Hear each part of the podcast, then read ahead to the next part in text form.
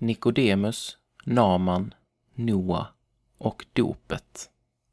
En artikel av Andreas Gisselsson. Den 3 juli 1983 ligger Andreas tyst och vitklädd i sin systers armar framme vid koret i kyrkan. Han är nytvättad, luktar schampo och har nyss matats inför sitt dop. Men varför tvättas en gång till i kyrkan efter det ljumma badet hemma?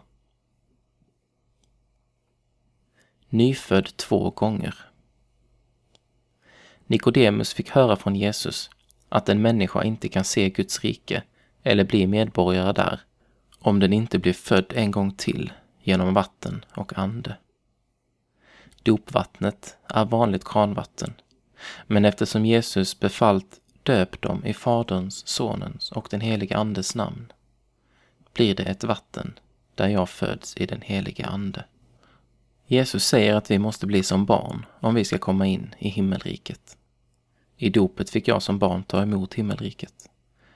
Barnet tar emot det utan att vägra när denna gåva överlämnas i dopet. Spetälskan rann av honom.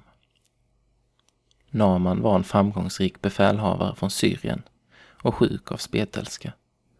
I hans hus fanns en tjänarinna från Israel som kände till profeten Elisa i hemlandet. Hon visste att han kunde bota Naman.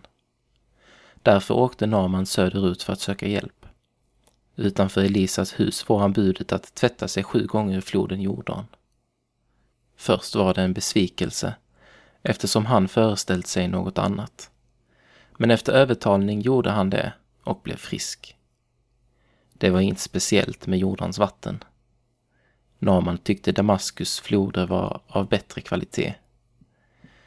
Men knutet till befallningen från Herrens profet blev Namans bad i Jordans vatten helande.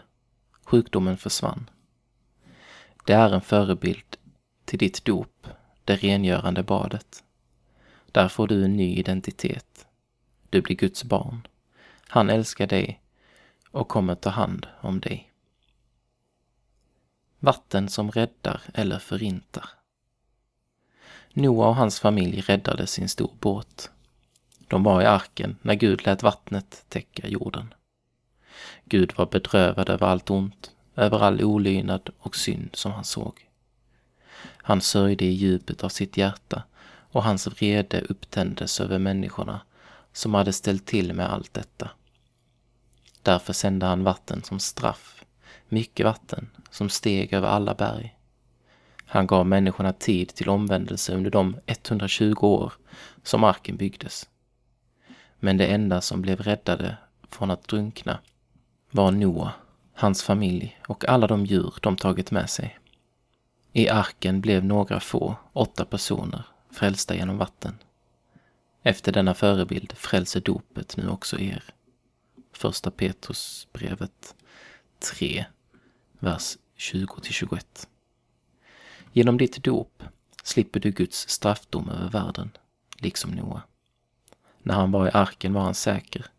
När du lever i ditt dop genom tron på Jesus blir du räddad från Guds slutliga dom. Därför är dopet så viktigt. Liksom Noa och hans familj klev ur arken till en ny skapelse, kliver du i dopet in i gemenskapen med Gud. Du föds igen, men denna gång i rättfärdighet och renhet.